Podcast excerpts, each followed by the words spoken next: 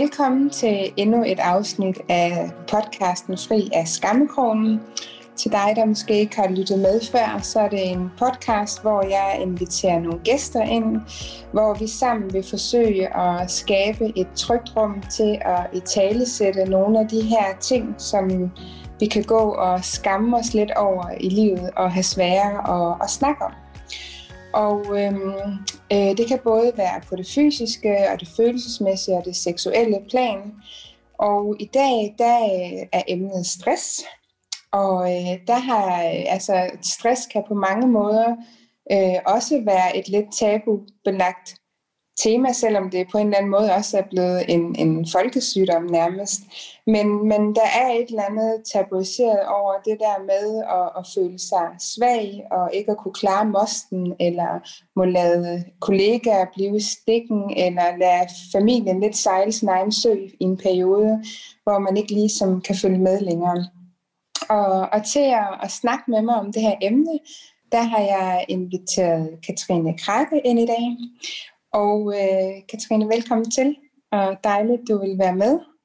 Tak du har, ja, øh, du har tidligere været journalist og arbejdet med dokumentarer, og i dag er du så i en helt anden genre, og du er øh, yogalærer og arbejder med medita- meditation og lydhealing, og du er lysarbejder, kalder du det også, og du er healer.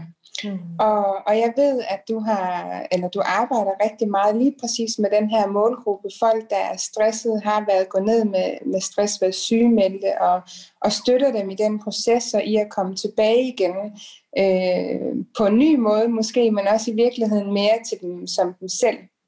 Men, men øh, Katrine, jeg ved, at øh, bare det i sig selv, at du har taget det skift, du har gjort rent karrieremæssigt, øh, det i sig selv siger måske lidt, men vil du ikke prøve at, at fortælle lidt om både, hvorfor du lavede det her skifte, og, og hvad det var, der gjorde, at du fik lyst til at arbejde lige præcis med den her målgruppe? Jo, det vil jeg rigtig gerne fortælle om. Øhm, og jeg tror faktisk, at min interesse for stress, den den begyndte allerede før jeg blev journalist. Mm. Fordi øh, der arbejdede jeg i reklamebranchen, og jeg så mine kolleger gå ned på stribe i kæmpestore øh, projekter og meget altså helt umulige arbejds, arbejdskrav. Så, øh, så den interesse jeg havde jeg faktisk allerede, da jeg startede på journalistuddannelsen med, hvad er stress egentlig, og hvorfor går vi, hvorfor går vi ned? Ja. Men jeg skulle selvfølgelig selv lige prøve også, hvad, det vil, hvad det vil sige at gå ned med stress. Jeg vil så dertil lige sige, at jeg har, jeg har aldrig gået helt ind i muren. Øh, jeg har været meget, meget tæt på, men jeg er ikke gået sådan med et brag ind i den, fordi jeg har lige præcis inden noget at lave nogle, øh, nogle øh, livsændringer, som har gjort, at jeg har undgået muren. Mm-hmm. Øhm, og der hvor det blev meget, meget tydeligt for mig, øh, altså ja, uha, jeg har mange, jeg, lad os, jeg ved ikke, hvor mange gange jeg egentlig godt kunne have gået ind i den der mur.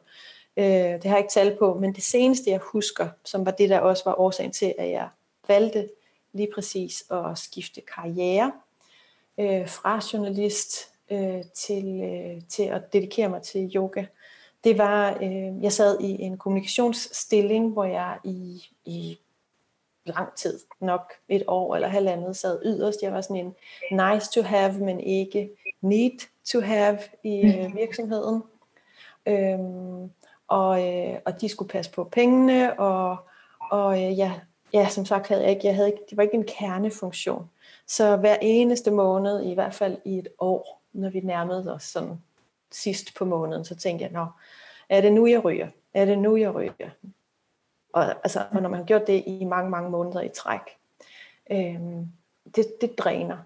Samtidig så, øh, så var vi øh, flyttet til Danmark. Min, med, altså min familie og jeg, vi havde boet i udlandet, og min mand er fra udlandet, og han pendlede, og vi taler altså på den anden side af Atlanten, så han pendlede i samme periode, hvor jeg hang yderst, øh, og var hjemme i nogle uger eller en måned gangen, og så væk igen i et par måneder.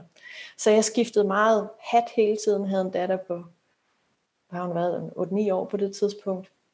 Mm. Og, øh, så der var rigtig, rigtig mange, rigtig mange øh, øh, meget pres på, også i forhold til familiesammenføring og alt, alt sådan noget. Så, så jeg var presset på mange lederkanter.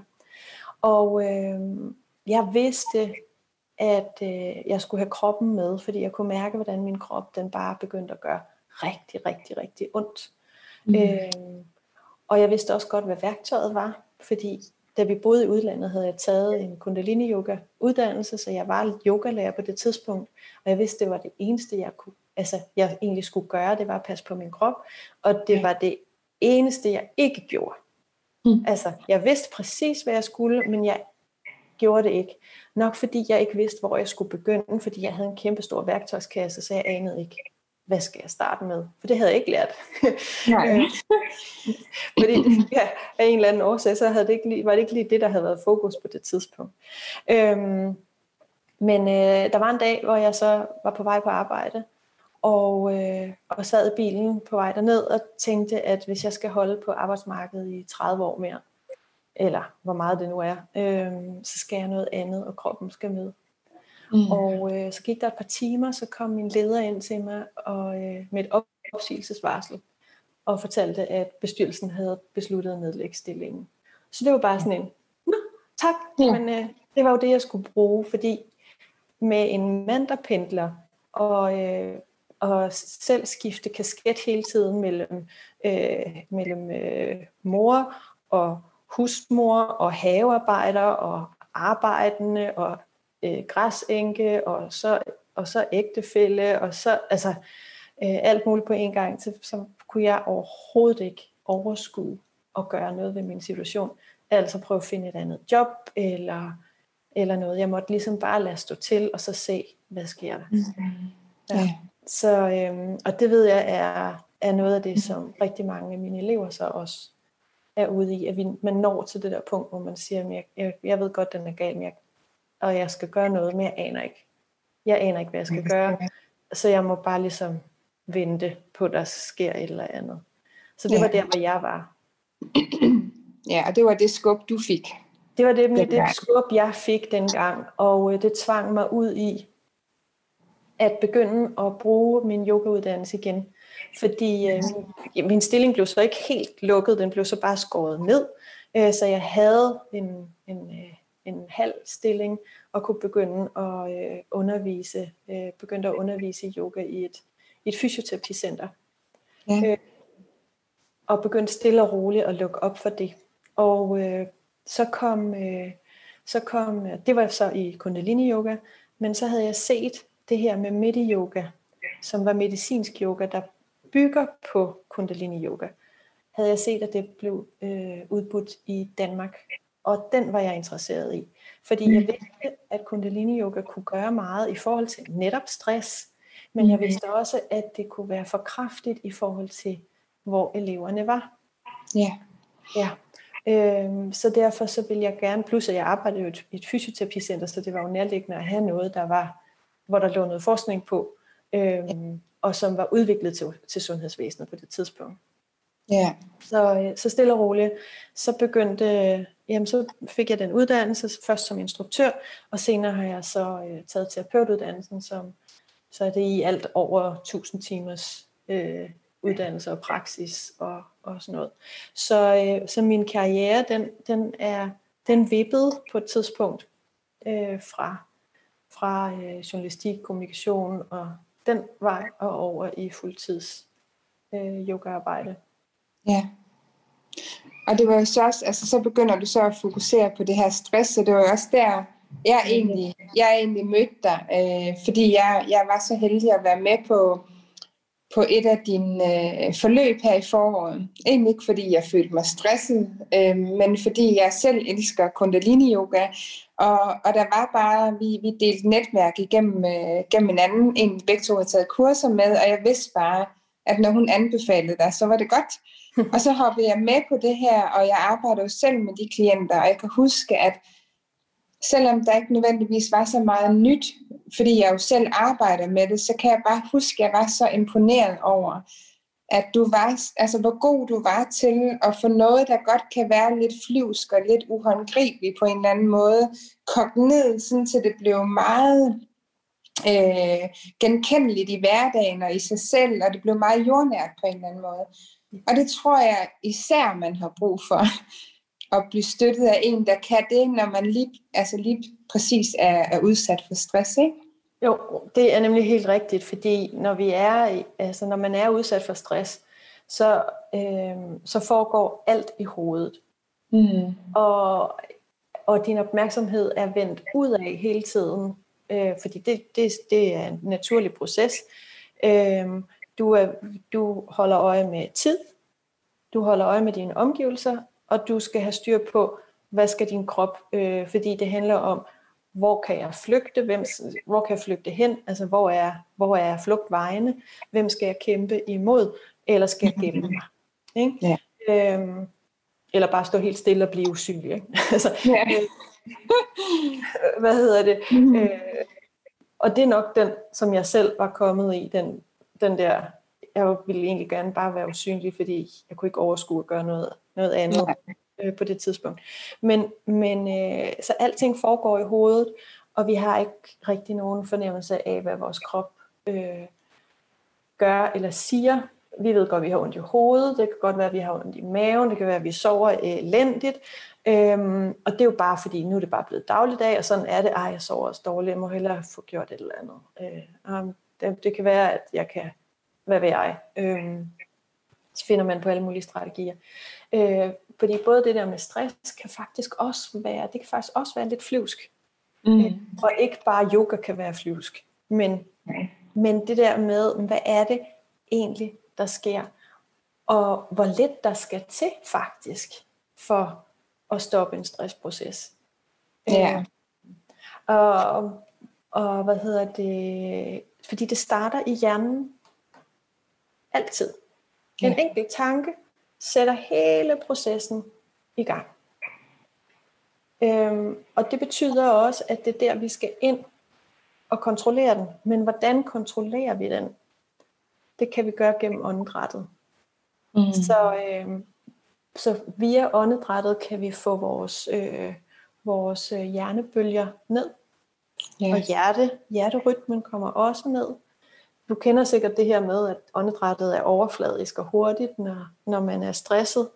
Øhm, og det er jo også meget, meget typisk øh, tegn. Ej, jeg ved godt, jeg, trækker, jeg kan ikke rigtig trække vejret, så ah, pyt. Altså, det går nok, men det går mm. altså bare ikke i længden. Vel? Så øh, det bedste, vi kan gøre, det er faktisk at starte, at starte med åndedrættet.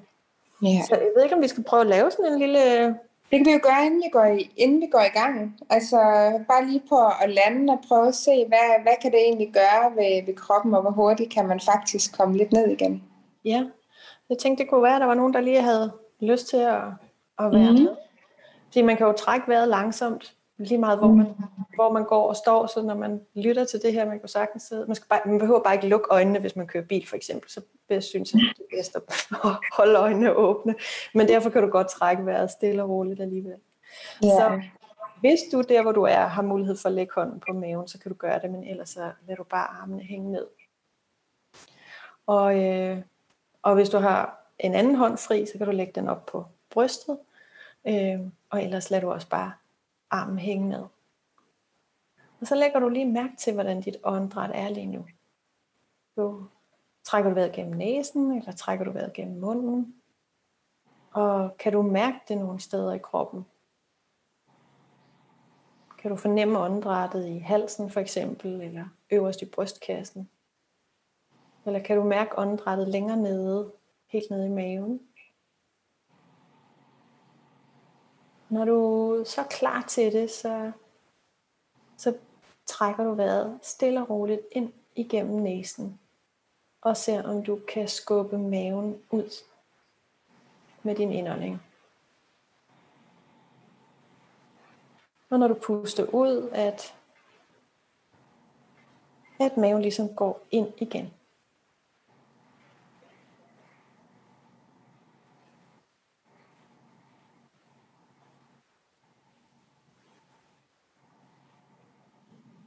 Ganske, ganske stille og roligt. Og så kan du Næste gang din mave er blevet så stor, som den kan, så fortsætter du vejrtrækningen op igennem brystkassen, sådan så den bliver dyb og bred. Du kan forestille dig, at du trækker vejret helt ud under dine arme. Og når du puster ud, så sænker du armene først, eller undskyld, brystkassen først, og maven bagefter. Ånder stille og roligt ind, maven bliver stor. Du mærker det måske helt om på ryggen. Brystkassen udvider sig ud til, ud til siderne og om i ryggen og fortil. Og når du puster ud igen, så sænker du brystkassen først. Lad den trække sig sammen og maven bagefter.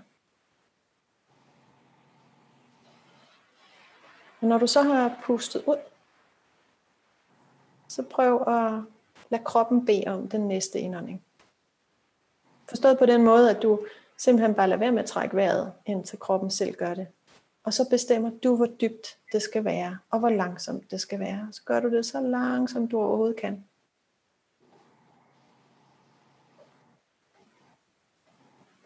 Og det samme med din udånding, så langsomt du kan, og den må meget gerne være endnu længere end din indånding.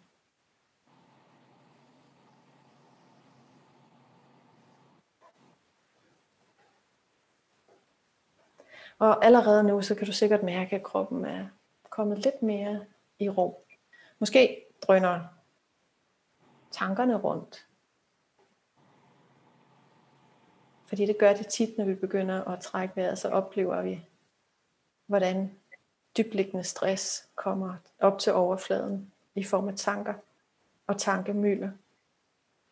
Og i den her yogaform, der bruger vi en lyd til at holde styr på tankerne, et fokuspunkt, som hedder sat nam. Sat tænker du, når du ånder ind. Nam, når du puster ud. Du kan også, hvis du vil, sige, jeg er her i stedet for. Men sat nam er en lyd, som går ind i hjernen i andre områder, end hvor de almindelige ord går ind. Sat står for sandhed og navn, identitet. Så du siger til dig selv, at jeg er sandhed. Og giver dig selv noget at fokusere på.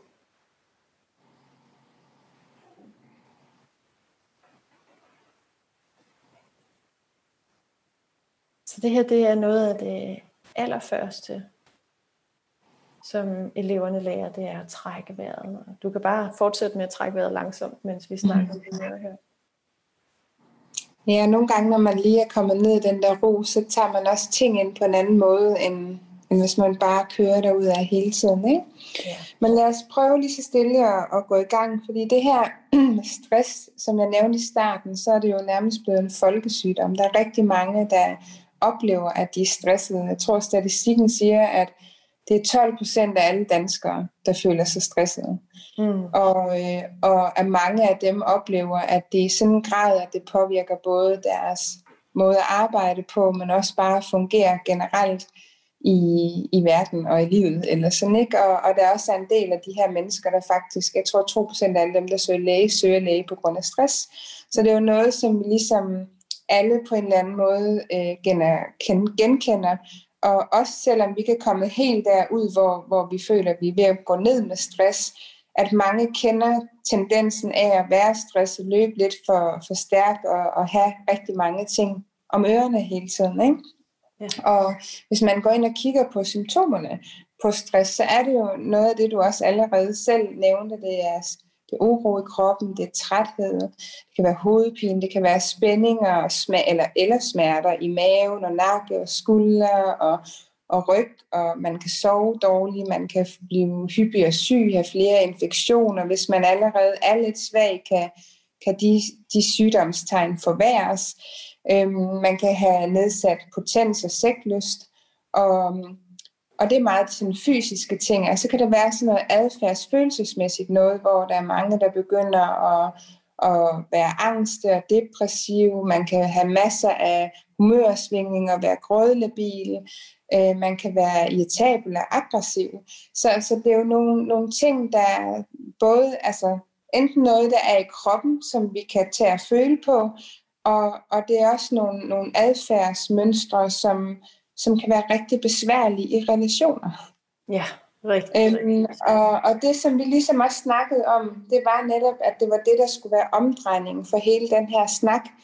Øh, kroppen, fordi det er der, vi mærker tingene, men også at kigge ind her i vores følelser, i vores adfærd, fordi det er super vigtigt i forhold til at lære at håndtere det her, at lære at være i, i relationer og mærke sit ja og sit nej og sine grænser og, og sine behov. Og det ved jeg også er noget af det, som, som de her mennesker har rigtig svært ved.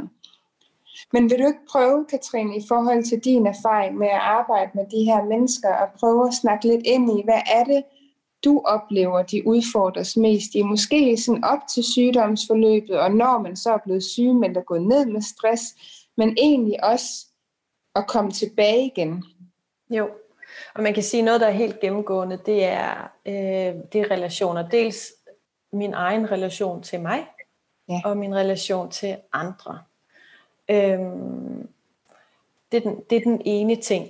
Øhm, og hvis vi skal lige dele det, fordi det går igen i, øh, i alle sammen. Fordi ja. øhm, der er rigtig, rigtig mange øh, udfordringer. Hvis vi siger op til en sygemelding for eksempel, Øh, det behøver ikke nødvendigvis være, at man bliver sygemeldt, men altså op til, at, det, at man ligesom fatter, fatter hvad det handler om. Ja. Øh, der er det, som, som vi snakkede om indledningsvis, det her med, at, at, at, øh, at man ligesom lader stå til, ikke rigtig kan overskue og gøre noget, men ved, ved at der er, at den er ikke god. Øh, mm. Men hvad, hvad skal jeg gøre? Fordi det er altså en udfordring at finde ud af, hvad skal jeg gøre ved det, når jeg nu, når jeg allerede kører på pumperne, at jeg så også skal til at tage ansvaret for at finde ud af en løsning. Ja. Og hvis der ikke rigtig er nogen, der ser, at jeg, at jeg er ved at gå ned, eller at dem, der ser det, griber det an på en, øh, på en måde, så jeg ikke fatter det, fordi problemet er jo, når man er, når man er så langt ude, er så stresset, som man er, jamen så ser man det ikke selv.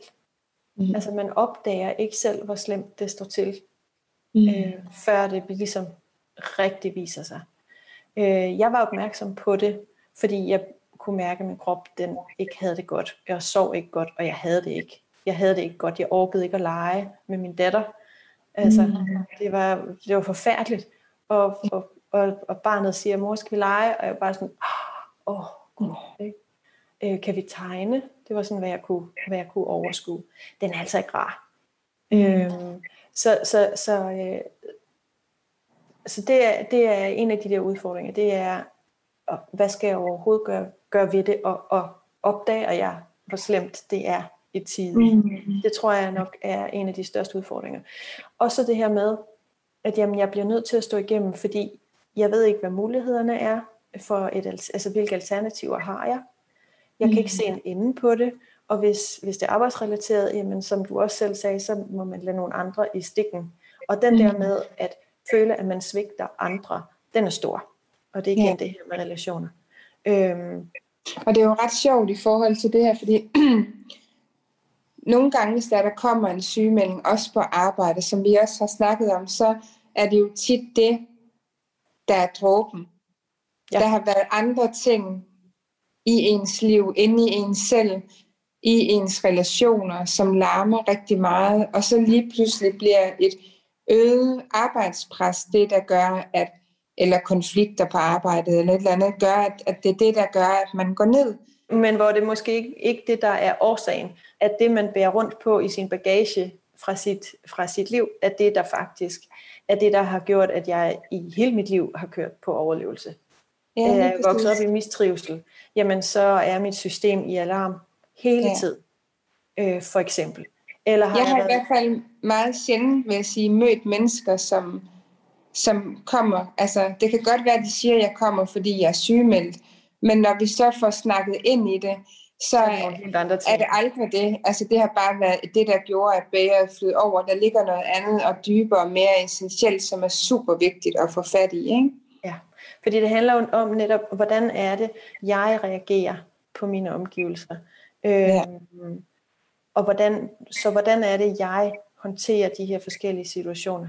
det hele foregår indeni, som jeg sagde før, det, men det starter i hjernen. Ikke? Mm. Øh, så hvordan er det, jeg øh, forholder mig til, til udfordringer på mit arbejde, derhjemme, i mit privatliv, øh, øh, og hvor god er jeg til at passe på mig selv. Hvis jeg aldrig har lært at passe på mig selv, hvis, hvis det aldrig har været, været tilladt at tage en pause, men at jeg hele tiden skulle gøre mig fortjent til noget og nogens øh, opmærksomhed, øh, så er det rigtig, rigtig svært. Øhm, og vi har alle sammen et helt grundlæggende behov for at føle tryghed, så vi ved, at vi overlever. Ja. Så hvis vi ikke føler, at vi overlever, og det er jo så i relationer især, hvis vi ikke mm. føler, at vi, at vi øh, bliver passet på, øh, at vores basale behov bliver tilfredsstillet, øh, tilfredsstillet mm. øh, så, så, øh, så bliver vi utrygge. Ja. Og, øh, og den kan vi jo altså bare have med os som et grundvilkår, desværre. Mm. Øh, har vi været indlagt som børn i længere tid, altså været adskilt fra vores forældre i længere tid, så øh, af en eller anden årsag, øh, jamen så er der også skabt et hul i det her. Man har, øh, nu, skal vi, nu vil jeg ikke øh, øh brede mig for meget, men det er jo bare lige for at rise op, at der er nogle ting, som, som faktisk ikke er, er noget, vi kan gøre noget ved. Du og jeg, vi tilhører en generation, hvor, øh, hvor vores mødre skulle tidligt tilbage på arbejdsmarkedet. Så vi kom ja. tidligt i vuggestue. Mm. Øh, og vi blev også fodret på klokkeslæt. Altså vi blev armet hver tredje time eller hver fjerde time, hvad man nu havde fundet ud af, og det var sådan, det var. Men det betyder, at barnet, det lille, det lille baby, den lille baby får ikke sin mad og sin omsorg, når behovet er der. Mm. De er altså ikke mødt. Og det betyder ja. så, at, at man selv som baby så skal gøre noget ekstra, skrige højere, gøre mere for at få de her, til, de her behov tilfredsstillet. Ja, så tænker jeg også, der ligger noget i det her. Altså en ting er, at, at de her behov ikke kommer, når det er, at, at, øhm, at man har brug for dem, men efter en plan, noget udefra os på en eller anden måde, men også at vi sådan senere hen, fordi vi jo netop skal føle os trygge og skal føle, at vi overlever, og vi også har haft tradition for ikke at kunne håndtere øh, følelser øh, i forskellige grader og konflikter og børn, der larmede eller sådan, så, så bliver, begynder man også at tilpasse sig, og man bliver trænet i at have alle sine signaler ude på dem, man er afhængig af. Hvordan skal jeg være lige nu for Præcis. at føle mig mest elsket og tryg? Og det tager vi bare med ud i alle relationer i livet, hvor vi hele tiden har altså antennerne ude på, på alle andre, og ja. derved både er fjernet, altså vi er gået fra os selv, vi har forladt os selv, vi kan ikke mærke kroppen, vi kan ikke mærke, hvad vi føler, hvad vores grænser er. Så det, det starter jo faktisk ret tidligt, de her mønstre, at de bliver sat i kodet ind i vores system. Ikke? Ja, det, det er jo nemlig det, og så mange gange så viser de sig først som, som øh, afhængige af alvoren i det, men så viser de sig mm. først som, som øh, symptomer, når vi når de der 30-40 års alderen. Ja. Ja. Øh, så jeg skal lige rømme mig.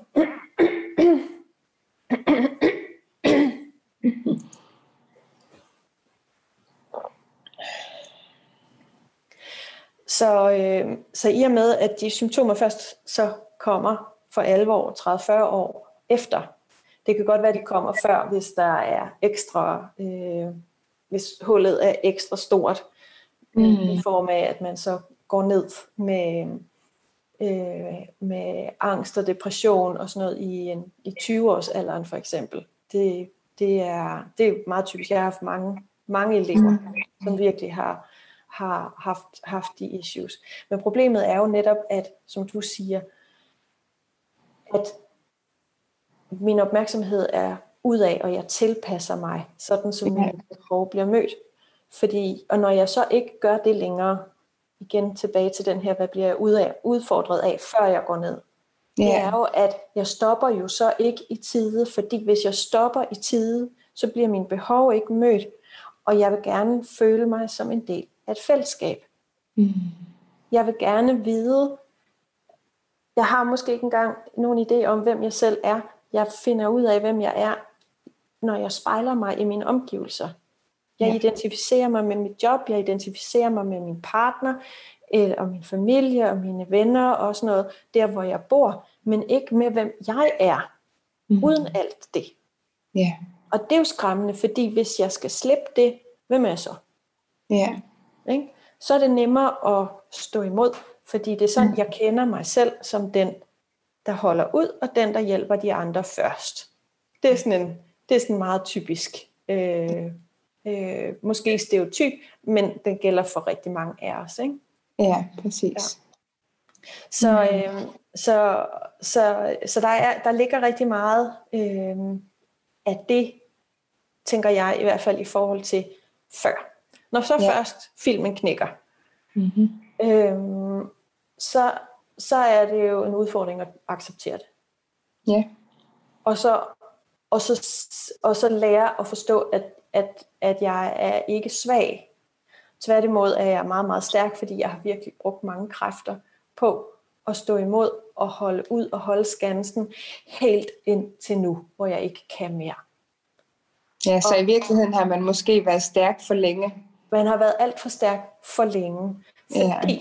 og, fordi og det er jo et meget godt billede. Øh, jeg kan huske min, øh, min underviser øh, på terapeutuddannelsen, hun sammenlignede det med, at, at, at når styrke bliver til vilje, så er det som, at du simpelthen, øh, hvad hedder det, med isøkser, trækker dig op, fordi du vil, og du vil, og du vil, men du har ikke styrken mere. Mm. Altså, så, så, men hvor du simpelthen er slidt, slidt op, fordi du ikke har den næring, du skal have fra din tryghed. Fordi trygheden giver os næring. Mm i, hvis vi forstår det på et, et energiniveau. Øh, men tryghed, det er næring. Mm. Fordi tryghed er ro, og ro giver styrke. Så, ja. så, men når vi ikke har ro, så har vi heller ikke, så har vi ikke styrke. Jo, det kan godt være, at vi har styrke, men det bliver mere til vilje. Ja. Og når først viljen sætter ind, så er det, så er det, så er det, så er det svært. Ikke? Så ja. forstå, at jeg har, at jeg er stærk, fordi jeg har brugt min styrke på at holde ud, og nu skal jeg bruge den styrke på at hele. Ja. Og så er der det her igen med relationer. Tilbage til den der, jeg spejler mig i mine mm. omgivelser. Og omgivelserne spejler sig også i mig, så når jeg så går ned, så, så bliver der sådan uro i hele feltet, fordi, hov, øh, hvem er vi, hvad er vi nu som familie, og hvad sker der nu? Øh, mm. og, og, altså, og hvad kommer, hvad, kom, hvad kommer så? Øh, ja. Først så bliver jeg måske mødt med, med en masse kærlig omsorg og sådan noget, men når jeg så begynder at hele og blive lidt friskere, så kommer der også krav og forventninger til, at jeg så ligesom træder i karakter igen, og måske at jeg vender tilbage til den gode gamle mig. Mm. Hvem, men hvem er hun? Eller han, fordi der er jo også mange ja, ja. ikke? Altså. Eller han, hvem er det, den gamle? Ikke? Ja. Men det er jo også den, jeg kender. Altså, det har jeg jo i hvert fald set med mange af mine, med mange af mine elever. Det er den der, åh, jeg vil gerne tilbage. Nej, jeg vil ikke tilbage til det, der er, men jeg kunne godt tænke mig at kunne det igen, som jeg kunne. Og mm. nogen kommer aldrig til at kunne det. Og måske var det heller ikke meningen, at man skulle kunne. Nej, det er præcis. Så der ligger rigtig meget omkring accept, og, øh, og så det her med, med mønstre, fordi når de der krav så begynder at komme, og det behøver ikke engang være fra familien, det kan lige så godt være fra jobcentret. Øh, ja, fra en selv. Og fra jeg. en selv, ikke? Ja. ja. Til at jamen, så burde jeg også ordne det og ordne det og vaske tøjet og madlavning og sådan nogle ting. Men jeg overgår det ikke, men jeg gør det. Øh, men det er det samme som at vifte med den her røde klud igen. Og så mm. og sige, øh, som egentlig bare er en ny katalysator for en ny omgang stress. Øh, ja. Og det skal alle forstå, at det er sådan. Så en lille bitte ting som, ej, kunne du ikke have taget opvasken? Det kan vælte hele læsset. Mm. Øhm, omvendt, så kan man se det som en sejr, og jeg kunne tage opvasken i dag. Yes. Ikke? Mm. Øhm, men men, øh, men øh, hvis, det, hvis det bliver, at, man, at læsset så vælter igen, jamen så, bliver det, så kan det jo være nemt at ikke vise tegn på bedring. Fordi så er det nemmere at være syg. Ja. Og så hænger man fast i den. Så der er rigtig, rigtig meget selvreflektion. Ja. Og hvis man ikke gør det, og bare venter på, at det bliver bedre, jamen så har du heller ikke chancen for egentlig at ændre på de mønstre, som du har båret med dig. Fordi det er jo Ja. mønstre, der gør, at du, at du ender, hvor du ender. Ikke? Så det at gå ned med stress, vil jeg sige, er en kæmpe gave Mm. for at kunne skabe nogle livsændringer, som gør, at du kommer til at fungere meget bedre Ja. fremover. Så dybest set det at gå ned på den måde, det, øh, det er en gave til at komme ud af, altså komme ind og finde ud af, hvem er man, når man ikke skal identificere sig med sit arbejde, når man ikke skal være på en bestemt måde i verden og skulle kunne klare alt muligt, gøre alt muligt. Hvem er jeg, når jeg bare er Ja. og er mig? Og, og selvfølgelig, at den proces kan, kan udfordre relationerne, fordi man både har identificeret sig med at være en bestemt type, men, men det har partneren også, og man er gået ind i dynamikker omkring de roller, vi har haft.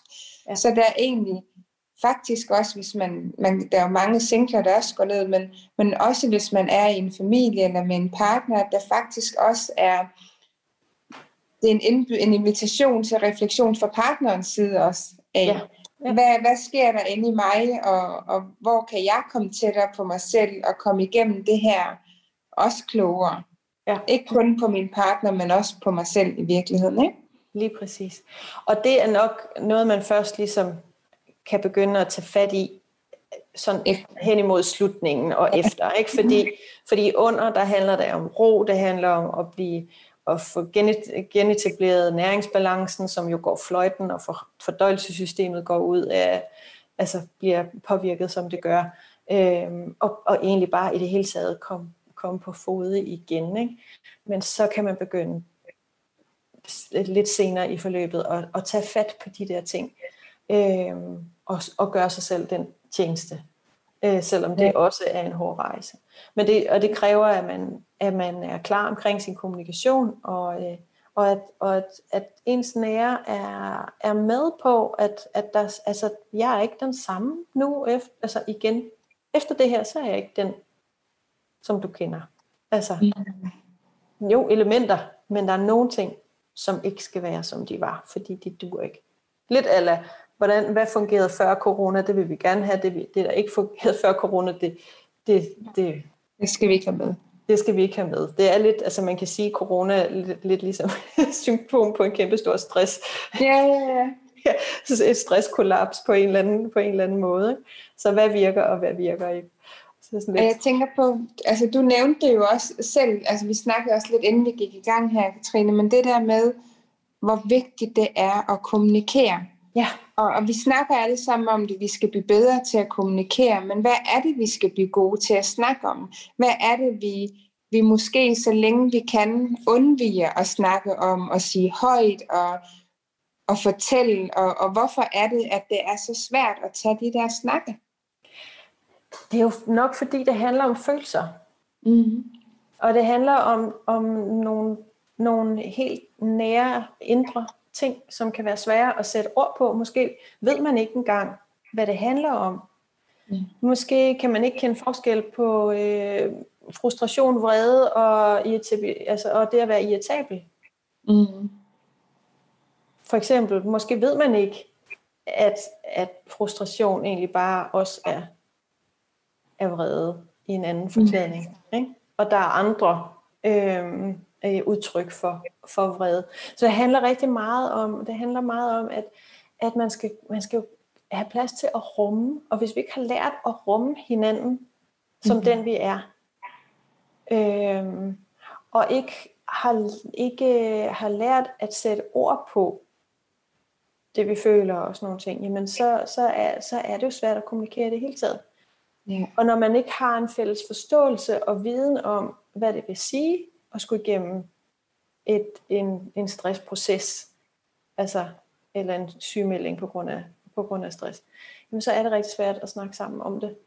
Fordi man har virkelig brug for, for hjælp fra, fra sine omgivelser til at komme igennem det her, fordi, fordi det er jo en, det er jo en hel, øh, det er jo en en healing, som, som øh, for at jeg ikke falder tilbage igen, så skal jeg have fat i nogle af de der gamle mønstre.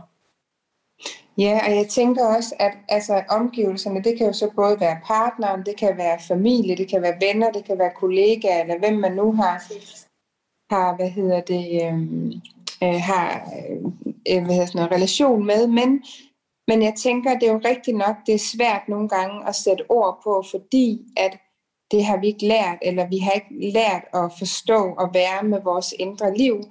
Men der tænker jeg også nogle gange, at det kan jo også stresse os, at vi skal kunne kunne det. Men, men så nogle gange er det jo også at have mod til at ture og give sig hen til følelsen. Fordi det er i hvert fald noget, jeg også arbejder med, at ja, det er vigtigt, at vi kan kommunikere følelser og snakke sammen, men, men første skridt er faktisk at kunne være med dem, fordi ja, følelser skal føles.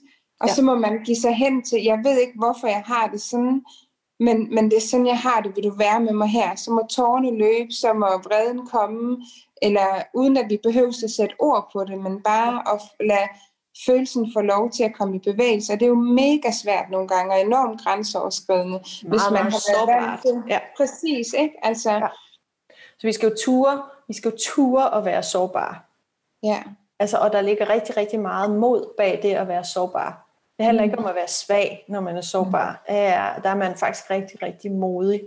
Hvad det Brené Brown, hun siger? Ikke? Altså, den, den, der er modig, det er den, der, der øh, det er manden i arenaen, som, som er blevet væltet og væltet og væltet og rejser sig op i... Ja, og blødende går igennem det hele og rejser Ja, lige præcis. Og, når, og arenaen her, det er ligesom øh, de her sådan gladiatorer og sådan noget. Ikke? Altså, mm. øh, at, at vi rejser os vi rejser os igen, men det handler også om, at vi så mærker og har den tryghed i, at, altså, at vores relationer kan hjælpe os.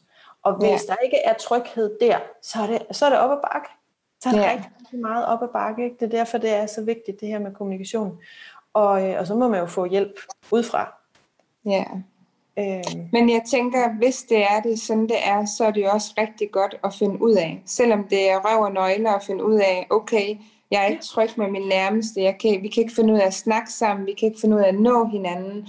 Så er det jo super vigtigt at ture og erkende det og se det i øjnene. Ja. Fordi så har det højst sandsynligt været en del af stressfaktoren, og det, der har gjort, det har udviklet sig. Og så må man jo kigge hinanden i øjnene og sige, okay, det er lort det her, det, det magter vi ikke. Altså kan vi, skal vi have hjælp, vil vi det? Øh, ja, kan vi selv, eller hvad gør vi et eller andet sted? Ja.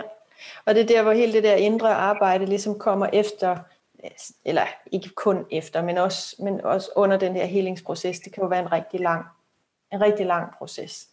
Ja. Øhm, men det kan, også, det kan også gå forholdsvis hurtigt, altså hvis, mm. hvis, man, hvis man går ind i det og ja. siger, okay, den her, den, den øh, vi tager den med krum hals, og så og så kører det. Ikke? Men, øh, men, men andre, i andre tilfælde, så kan det være en overlang proces. Det skal have den tid, det skal have. Ja. Øh, både heling og de her øh, øh, ændringer i livet, som man måske har brug for at, at gøre. Vi kan ikke presse noget igennem. Og det Nej. er det, vi også skal lære.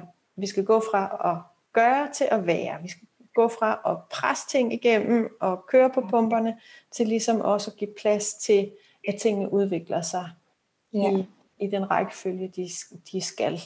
Men det er mm. svært at have tillid til det, hvis man ikke har tillid til sig selv og sin krop. Ja. Og ikke har trygheden der. Så det starter, det starter der. Men kroppen husker jo det hele, så den ved, og det er kroppen, der også er ligesom vores underbevidsthed. Øh, den ved jo selv, hvordan den børster tænder. Det er jo ikke noget, du skal sidde og, og stå og opfinde hver aften. Øh, men det ved den selv, hvordan den gør. Den ved også selv, hvordan den reagerer i forskellige situationer. Og ja. det er det, vi skal ind og blive bevidste om. Så vi ja. kan ændre på de mønstre, og det går gennem kroppen. Så det handler om også at få skabt en, en tillid til sig selv og sit eget system og sin krop igen, og, og omvendt skal kroppen jo også have tillid til, altså det er ligesom, der er sådan et, ligesom hvis der har været et tillidsbrud på en eller anden måde, ja, så skal ja. man også tilbage igen og have skabt tillid til, hvis man før bare har overhørt alle signaler og, og, og hele tiden løbet fra sig selv, og det, der ikke fungerede, og det, der var for meget, så skal ens system, nervesystem, krop og følelser jo lige have tillid til, at nu er man der, nu mener man det alvorligt, og det kan jo godt tage tid. Det, skal, det er noget, der ligesom skal genopbygges, ikke? Jo, lige præcis. Lige præcis. Men, øh, og, jo, og det er jo klart, at jo mere man arbejder på det, desto hurtigere går det. Det ser jeg med, med, med dem, de elever, jeg har haft gennem hænderne. Dem, der tager yogaen til sig og gør det, mm. og laver de øvelser, det er dem, der kommer hurtigst igennem. Ja. Og, og, og laver, laver kvantespring. Så, og det, der sker, det er, jo, det er jo det der med, når kroppen husker det hele. Altså det er også, det, så, er det også den, så er det også den, vi skal bruge til at forløse det, som sidder. Ja. Vores nuværende reaktioner, de er hele tiden relateret til det, vi har oplevet før i vores underbevidsthed. Så hjernen er på jagt efter et eller andet, der minder om mm. noget, vi har oplevet tidligere. Fordi den, fordi den op, opfanger alting. Vores oplevelser af, omdannes jo til energi i kroppen gennem mm. nervesystemet. Og så sætter de sig. De sætter sig i kroppen forskellige ja. steder, fordi de, bliver ikke, de kommer ikke hele vejen ud, men de sætter sig forskellige steder. Jeg oplever det også med, med det der med, at man har de her billeder og erfaringer, som ja. har lagret sig i system, og så går kroppen ind øh, sådan en ren forsvarsmekanisme og ja. spænder op nogle steder for at og beskytte os for den smerte. Og det er jo en overlevelse, og den fungerer fint lige nu og her, og i det traumet sker, eller hvilken oplevelse der er sket. Men hvis det bliver et mønster, der bliver ved med at blive trigget Præcis. Hver gang, at, at, at, øhm, at vi har en tanke, der minder om det, så ja. går vi og spænder op, og så er det klart, at der over tid udvikler sig smerter og symptomer i kroppen, fordi vi har de her spændingsmønstre og forsvarsmekanismer koblet på. Det er jo den måde, det hænger sammen, kan man sige. Ikke? Lige nøjagtigt. Og det, der trigger det, det er katastrofetanker. Mm. Det er søvnmangel. Ja. Det er stress. Og det er depression. Ja. Det gør oplevelsen af smerte værre. Ja. Øhm, så når man er stresset, så er der sådan en rimelig stor chance for, at man har, har alle, alle fire ind over. Eller hvis ja. jeg har oplevet noget, altså er jeg blevet stukket af en, en webs på et eller andet tidspunkt, og og, som virkelig, virkelig var forfærdeligt, og så ser en web, jamen så allerede der har jeg sat det hele i gang og bliver panikslagen. Mm. Ja. Og det kan allerede gøre ondt, inden jeg overhovedet er blevet stukket af en web. Ja. Altså, øhm, så, så, så, så det, er jo, det er jo sådan, det er. Og det er jo fordi, at kroppen passer på os. Ja. Hjernen ja. passer på os, fordi vi skal overleve. Mm. Og, og, og nogle gange så sætter den bare nogle, øh, nogle øh, så er den bare så meget på vagt, at det er ligesom, du ved, øh, en bilalarm, der går i tordenvejr, eller fordi nogen går forbi. Mm. Øh, men, men, der er ikke nogen, men der er ikke nogen, der bryder ind i bilen. Men den er så sensitiv. Vores nervesystem er så sensitivt, at det trigger lynhurtigt. Den del af den her rejse handler også om at lære kroppens signaler at kende, men også at lære at berolige systemet, yep. når man bliver trigget, og så og, altså vide, hvornår, hvornår er der reelt far, hvornår er der ikke, så man begynder at få, få, få redskaber til at, at berolige nervesystemet, så de her ikke hele tiden sker og ja. går i gang. Ikke? Lige præcis. Og det er derfor, at, at det er noget, der skal gøres i rolige omgivelser og med rolige bevægelser, hvis vi taler krop. Øh, mm. Så yogaen for eksempel, hvis det, hvis det er den, når det er den, jeg bruger, jamen så handler det om at, at, at blive tryg igen i kroppen. Mm. Øh, skabe de trygge rammer, hvor, hvor nervesystemet er i ro, fordi det er først der, vi kan helt op. Og det er først der, vi kan træffe beslutninger om, hvad der skal ske og hvad der ikke skal ske. Det kan vi ikke, når opmærksomheden er alle andre steder. Øh, så allerførste øh, skridt, det er, det er ro på. Ro på, ja. Øh, ja, ro på. Og det kan du ikke, ikke altså, det, det bliver du nødt til at, øh, at ligesom sætte i gang øh, selv. Ja, så skal på, man... Det ikke bare at sidde og, og, og, øh, og scrolle mm. på telefonen, og altså i en sådan, øh, Facebook-feed. Det kan godt være, at jeg lige afkobler hjernen og tænker på noget andet, men det er ikke det, der, det, er ikke det, der får mit, ja, mit nervesystem i ro. Det er... Nej, for i sidste ende er det jo signaler, man hele tiden bliver bombarderet med, og som man forholder sig til bevidst eller ubevidst. Ikke? Ja. Men ja. finde en eller anden måde, hvor man kan få skabt noget ro på, om det er yogaen, om det er en gåtur, om ja, det er tur, tur ja. altså øhm, musik, altså noget, der ligesom, altså hvad der virker bedst. Man må lege lidt med det, hvis man ikke har en ja. idé, og så skal kroppen nok fortælle, om man er på rette spor, fordi den er jo også så taknemmelig, at den reagerer, når vi så begynder at, at skabe den her ro og tryghed, som jo giver næring, så den kan hele igen. Ja, og der, og der er jo så, ligger så lidt en misforståelse hos mange, hvor de tror, at nu, nu er jeg gået ned med stress, nu skal jeg til at dyrke motion. Mm. Ah, det kan du godt, men du kan gå på trapper for eksempel, eller gå nogle ture, men du skal ikke til at løbe og lave vægttræning, fordi Slet, slet ikke i starten, fordi dit nervesystem kan ikke, er slet ikke gearet til det. Nej. Altså, man skal først tillade sig selv at blive træt, mm. og mærke den træthed. Og så stille og roligt begynde at bygge op. Og det kan altså mm. tage, det kan tage lang tid, men, øh, men, det, men det er vigtigt at, at ikke mase på igen, fordi ja. så kommer du til at overbelaste dit nervesystem lynhurtigt. Og så, ja. og så, så genopbygger du ingenting. Så, så jeg, og jeg ved jo fra, fra flere, hvor jobcentrene så giver for eksempel et, øh, øh, et, et altså hjælper med, med, med et kort til et fitnesscenter eller sådan et eller andet. Det, det er bare ikke vejen frem. Motion er godt, men det skal være meget, meget let og roligt. Øh, og motion er vigtigt, altså også for at genopbygge muskler og alt det der. Ikke? Men det er først og fremmest ro. Ja. Og lære at trække vejret. Ja, så der kan komme noget flow i igen. Og det er jo ikke fordi bevægelse kan godt være med til at, at, at give noget. Det er jo også noget af det der med at få ting i bevægelse, men det er virkelig at være tunet ind på, er det noget, der opbygger mit system eller nedbryder det, så vi ikke er ude i den der med, at motion så igen bliver en dråbe, der kan få det hele til at flyde over igen. Ja. Ikke? Det er hele tiden en balancegang. Ja, og man kan kun mærke den selv. Altså, ja. det er derfor, det bliver så vigtigt er så vigtigt at arbejde med kroppen, fordi det er kroppen, der fortæller dig, hvordan du har det. Men hvis du ikke er vant til, at du har en krop fra halsen og ned, undtagen du kigger dig i spejlet, altså, ja. så man ikke kan mærke noget, jamen så, så handler det om først og fremmest at komme ind og mærke den. Alle de nuancer, temperatur, øh, hvad hedder det, energistrømninger for eksempel. Ikke? Ja. Altså mærke, snurre det i tæerne, eller eller, eller hvad, hvad sker der? Hvad sker der? Kan jeg mærke mit åndedræt? Kan jeg mærke min puls? Ja. Så de der lidt mere subtile sansninger ja. også. Ikke? Det, det, det er vigtigt at begynde at få fat i dem, fordi det er dem, som i første omgang fortæller dig, at noget er på færre. Mm. Det er de subtile sansninger. Lige præcis. Det er ikke de store smerter, fordi de kommer altså først, når kroppen begynder at råbe højere. Mm det er, når vi har overhørt de andre. Så en del af, af det at komme godt tilbage og blive ved med og ikke at falde tilbage, det er faktisk også at begynde. Det er klart, det er de store signaler, der får os til at stoppe op og, og tænke fuck, eller man går ned. Men så derefter er det også den der rejse med at, at lære de andre signaler at kende, fordi det er dem, der gør, at vi når at stoppe i tide. Ja, og sådan, at vi ikke gentager. Ja, det gentager samme. det, som vi har gjort øh, til hudløshed, ikke?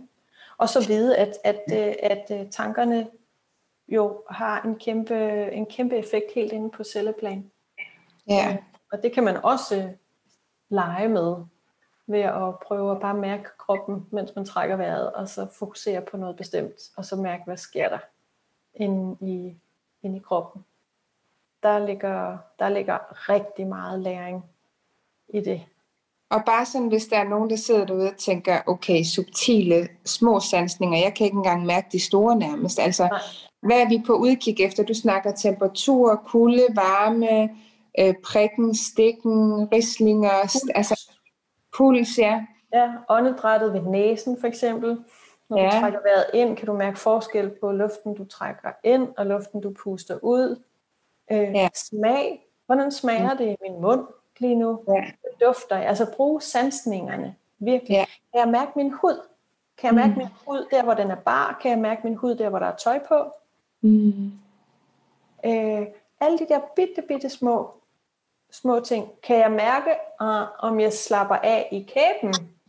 Hvor er min tunge henne i munden? Er den mm. klistret fast op i ganen? Åh, oh, oh. Mm. Og nu ved jeg, at nu er der nogen, der straks sidder og tænker, åh oh, gud, det er min tunge. Mm. den er klistret op i ganen. Og ja, det er den hos, hos rigtig mange af os. Også hos mig. Flere gange mm. i løbet af dagen. Men det skaber de vildeste spændinger ned igennem kroppen. Mm. Øh, og, i, og i nervesystemet i det hele taget. Kæben og vores vagusnerve, som den hedder, den 10. kranienerve, øh, udspringer herom i nakken. Øhm, og, og kæben, altså vi bliver nødt til at, at slappe det af. Lige, jeg tager lige en lille bitte mikro lynhurtig anatomi, bare lige for at fortælle lidt om nervesystemet, fordi vi har en speeder, og vi har en bremse i nervesystemet. Mm? Mm-hmm. Bremsen, bremsenerverne, de udspringer herop fra kraniet og ned fra korsbenet. Nogle helt specifikke nerver, det er bremsen. Alt ind imellem, ned langs rygsøjlen, det er speederen. Mm. Hvorfor må vi have ondt i ryggen, når vi er stresset? Mm. Hvorfor er der så mange, der går rundt med rygsmerter, udover at man sidder og går og står forkert? Men hvorfor mund? Fordi speederen, det er den, der kører hele tiden. Det vil sige, at alle de små nerver, der sidder i, i langs med rygsøjlen, og de bitte små muskler, som de er koblet til, jamen de er hele tiden i gang. De bliver altså først afspændt, når vi arbejder med nakken, og når vi arbejder med korsbenet. Og hvornår gør vi det? Mm. Hvis vi går rundt med kæbespændinger, så gør vi ikke. Og hvis vi går, op, går rundt og spænder op i underlivet, så gør vi heller ikke. Det gør vi ved bevægelse. Mm. Og ved bevidsthed om, at der sker noget i de områder. Ja, og så kan det være, hvis man virkelig har svært ved at være de steder, og at bare det at lægge hænderne derhen, eller hånden på mm. underlivet, eller på nakken på korsbenet, kan hjælpe en til at få sansningerne tilbage i det sted. Altså, ja. Eller og lægge hænderne derhen, hvor jeg er åndedrættet, ikke? hvor det hele kører uh, på speederen, at man ligesom kan bruge sine hænder også sådan helt fysisk og lidt på kroppen, for ligesom at dæmpe nervesystemet igen. Ja. Og så sådan en simpel øvelse som rygflex, hvor du bare sidder. Du kan sidde øh, på stol eller skrædderstilling, eller hvordan du nu sidder, øh, med fodsålerne i gulvet, og så simpelthen stille og roligt bevæge bækkenet frem, svare i ryggen, og bevæge bækkenet bagud og krumme ryggen. Og lad hovedet pege, altså næsten pege lige frem hele tiden, hvor du ånder ind og svarer, puster ud og runder. Der går du ind og skaber en forbindelse mellem din speeder og din bremse, og på den måde afbalancerer dit nervesystem altså det autonome nervesystem. Så det er en, en praktisk øvelse for, hvis der er nogen, der sidder og lytter med derude, ja. så altså ud over vejrtrækning, at man så indimellem lige kan sidde og lave sådan nogle bevægelser med rygsøjlen. Ja, fordi så afspænder du simpelthen øh, øh, nervesystemet på den, på den måde. Hvad, tæ- hvad, hvad tænker du i forhold til det her med, at folk skal tilbage, Katrine? Altså, Øhm, er der nogle ting, der, der sådan folk ofte løber ind i, og, og hvordan kan man lige minde sig selv om, at man skal tilbage, og man skal huske alt det, man måske har lært og erfaret, mens man var hjemme og var i ro og passet på og næret. Altså, Kommunikation. Lær at sætte de her grænser, og mærke de grænser. Hvis du ikke kender dine egne grænser, så er det rigtig, rigtig svært mm. at sætte grænser. Så, øh, så kommunikation om, hvad man vil og hvad man ikke vil. Ja. Og, så er det, og så handler det om, hvis man skal tilbage på sit arbejde eller på arbejdsmarkedet, der handler det rigtig meget om, hvordan arbejdspladsen tager imod. Mm. Øhm, men hvis de ikke er gode til at tage imod, og man bare lige bliver kastet ud i det hele igen, bliver simpelthen nødt til at, øh, at råbe op. Ja. Og, øh, og, hvis, og, og, så det er meget godt at arbejde på at blive god til det, mens man er sygemeldt. Og hvordan kan man arbejde med det? Fordi det er jo noget, jeg tænker ikke bare hos folk, der er stressede, men, men bare os alle sammen generelt. Hvordan kan vi øve os i at blive bedre til først og fremmest at mærke vores grænser? Hvor er mit ja, hvor er mit nej? Altså, er der nogle små fif til, hvordan kan man blive bedre til det at træne det? Jamen, øh, dels handler det om at lære at mærke sine grænser. Øhm, og der kan være mange forskellige måder at lære det på. Altså nu kender jeg jo yoga, yoga-måden øhm, mm. og nogle specifikke øvelser, som er gode til det. Øhm, og her der bruger vi for eksempel meget mantra. Øhm, og så bevidstheden om at observere, begynder at observere, hvordan er det, jeg er. Øh, hvordan er det, jeg har reageret i forskellige situationer? Og så kan man simpelthen også mentalt arbejde på at altså visualisere en anden version af sig selv, som sætter de der mhm. grænser og forestille sig nogle situationer, hvor man gør det. Og så begynder at øve sig. Det handler om at øvelse og ture og sætte den første lille grænse. Okay, hvem er den første, jeg lige kan sætte en grænse over for, som, som ikke bliver sådan en grænse, men, men øh, en, en god, solid grænse. En anden ting, som, er, og som jeg tænker på lige nu, det er, at jo bedre du bliver til at mærke din krop, mærk dine fødder, fodsålerne i underlaget, det var også en af de der subtile faktisk. Ja. Øh, mærke fodsålerne i underlaget, mærk din krop. Jo mere du kan være til stede der, så begynder du faktisk også at sætte grænser på en anden måde. Det er, det er meget pudsigt, men det begynder at ske af sig selv. Jo mere til stede du er i dig, og ikke har opmærksomheden udadtil, men bliver sikker i dig, desto nemmere bliver det at sætte grænser. Ja. Så det er et indre arbejde for at lære at sætte de der grænser. Ja, så den der bevidsthed om at have kontakten med fødderne på jorden, altså lidt ligesom et træ. Jo, mm. jo mere du ligesom har kontakt nedad til i kroppen, jo mere stabil står du, også hvis noget skubber til dig på en eller anden ja, måde. Præcis. Så det er jo både, altså, det er sådan meget billedligt også et eller andet sted. Jo mere kontakt vi har til fødderne, til benene, jo mere stabil kan vi stå på dem, og jo stærkere kan vi stå i, i vores grænser. Ikke? Jo, og der er faktisk et rigtig godt billede, øh, at vi behøver ikke engang at være store træer med store rødder. Hvis du mm. tænker på en græsplæne, ja. en, en græstot, der er ikke ret mange, der har set en græsplæne blæse væk. Vel? Og hvis du river en græstot op af, af, af græsplænen, jamen, så har de sindssygt mange rødder. Ja. De er ikke ret store, egentlig. Men, øh, men, øh, men de, de er fast. Altså, de flyver ikke bare. Så, så vi behøver ikke engang tænke os selv som det her kæmpe store træ, og så skal jeg have store rødder og alt muligt. Nej, bare være som græs, der bevæger sig mm. i vinden, og så, men ikke flyver nogen steder.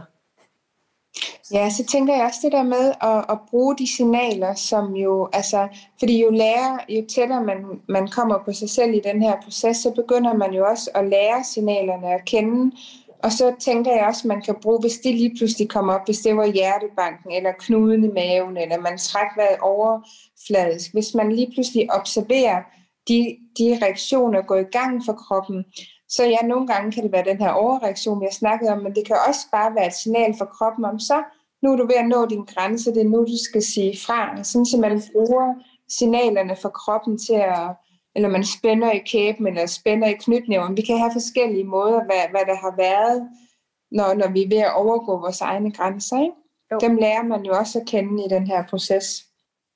Det gør man nemlig. Og, og det er derfor, at kroppen jo er vores, er vores kompas, fordi den hele tiden ja. fortæller, hvad der sker op i vores hjerne. Ja. Og påvirker, hvad der sker i hjernen. Ja. Så det er sådan en ongoing proces kommunikation. Og den bliver jo mere og mere forfinet. Altså, ja, ja. som tiden går, jo mere tid man investerer i at, at faktisk vil skabe et forhold til sin krop og forstå den og, og begynde at lære dens, dens signaler at kende. Ikke? Ja. ja, virkelig. Mm. Det er en gave at blive ven med sin krop. Ja. Det, den vil rigtig gerne være ven med os. mm. Tænker du, der ligesom er mere, som du ved, til både, hvad det er for nogle udfordringer, man kan møde, og hvad man kan gøre, som du tænker, vi lige skal have med her?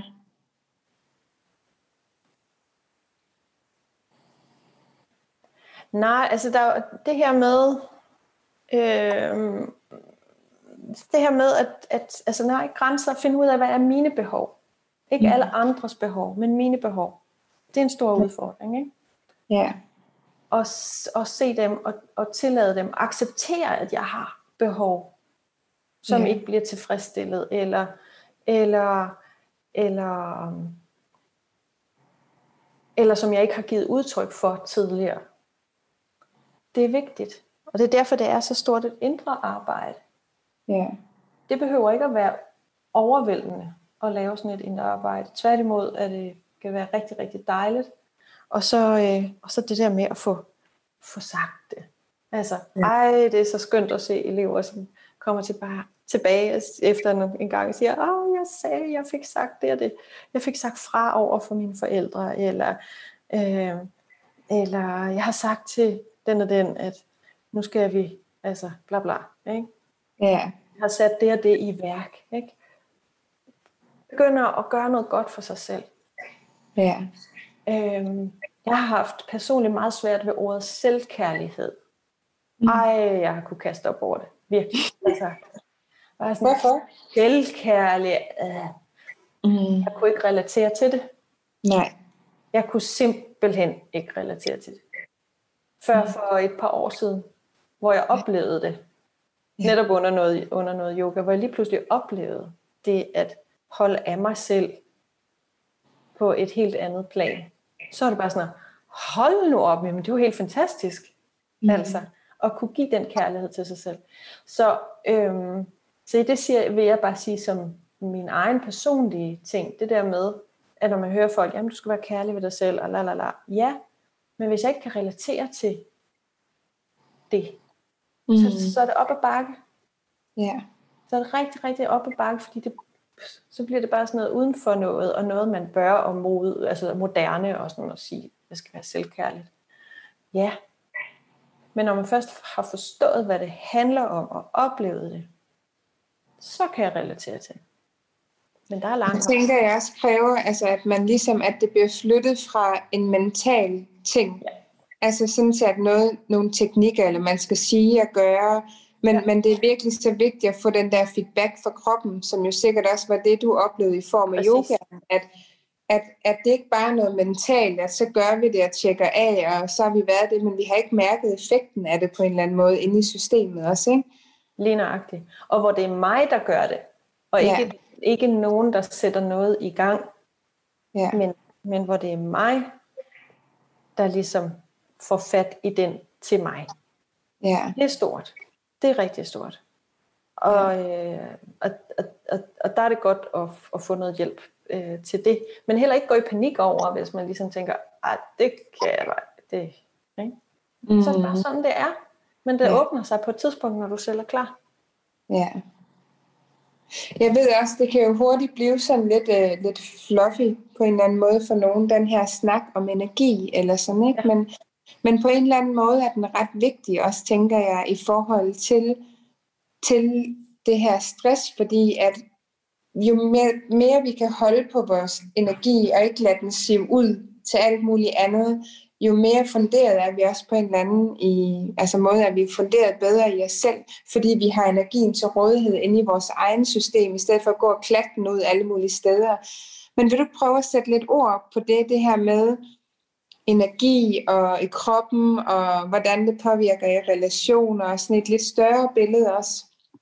Jo, det vil jeg gerne. Altså, vi, hvis vi tager det på sådan et helt sådan mere naturvidenskabeligt øh, mm. niveau først, så, så handler det jo om, at vi øh, at, at, at vores systemer jo netop fordi kroppen er indrettet som den er for at passe på os, jo har antenner ude hele tiden mm. for at finde ud af, er vi trygge, er vi i fare. Mm. Mm. Og derfor så, og det er energi. Fordi det, det, altså det er usynligt. Øh, kroppen er også energi. Det er bare en anden form for energi. Øh, mm. Men alt er energi. Vores celler er, er energi. Øh, så vi består af energi. Hvad er? Vi er energivæsener. Vi kan ikke adskille. Der er, du kan ikke adskille energi og masse. Fordi masse er også energi, bare i en anden form. En tættere mm. form for energi. Øhm, og energi arbejder i bølger. Og, og de her bølger, de udveksler, altså de udveksler information og, og går i svingninger med hinanden.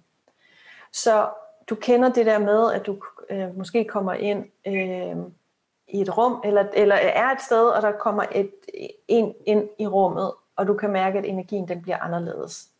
Mm. Eller at det her menneske har en energi, som du enten øh, gerne vil være i nærheden af, eller ikke vil være i nærheden af. Mm. Og det kan også være det samme med steder. Ah, der, der er rart at være her. Det er sådan mest sådan, vi opfatter det. Ej, det, den og den person er sådan og sådan. Ikke? Det er energien, mm. vi, op, vi opfanger. Og den er, den er altså på et, på et plan, som, øh, som er uden for vores, øh, vores øh, bevidste bevidsthed, kan man sige. Altså det er på en, en mm. under, underbevidst plan. Så, så, så det er den måde, altså, at energi ligesom arbejder, hele tiden bliver sendt og, og kommer tilbage og udveksler og snakker med, med hinanden. Og påvirker os, og vi påvirker den. Mm. Med vores blotte tilstedeværelse, der kan vi, der kan vi skabe ravage eller ro. Ikke? Altså mm. i, en, øh, i, øh, i en relation for eksempel. Øhm, uden at vi overhovedet siger noget, men bare ved at være der. Mm. Yeah. Så, øh, og energi strømmer øh, på forskellige måder i, øh, i kroppen. Vores organer danner, altså alt danner energi, modtager energi, sender energi. Så der foregår hele tiden en, en, øh, en strømning af energier i kroppen også. Mm. Øhm, og de energier, hvis vi så skal dreje det lidt ind på, øh, på yoga og sådan nogle ting, i og med at organerne gør noget, og vores nervesystem gør noget, så er der ligesom nogle, nogle knudepunkter i kroppen, som er nogle energipunkter, det vi i yoga kalder for chakra. Mm. Og de er relateret til, de er relateret til kropsdele, til organer, til sanser, øh, og har nogle, nogle egenskaber, nogle karakterer hver, hver især. Og, øh, og de bliver påvirket op igennem vores opvækst øh, og igennem hele vores, vores liv og udvikler sig undervejs i øh, hvad hedder det, syvtabellen faktisk. Første chakra de første syv år, og så fra 7 til 14, og der ud af. Men grundstenene til, hvordan de bliver påvirket, eller hvordan de udvikler sig, dem, de bliver lagt i de første 11 år i vores liv og handler om vores relation til mor, vores relation til far, og mors og fars indbyrdes relation. Mm. Du kan se, at relation er ja. gennemgående her. Så er der knas i forholdet til mor i de første tre år af vores liv, hvor vi ikke mærker tryghed. Øhm, så sker der noget med vores første chakra, vores, vores egen grundtryghed, vores mm. skelet, vores ben, vores fødder. Øhm, og, øh, er der noget i forhold til far? Det bliver først påvirket fra vi er, fra vi er 4 til vi er 7, men udvikler sig i teenageårene.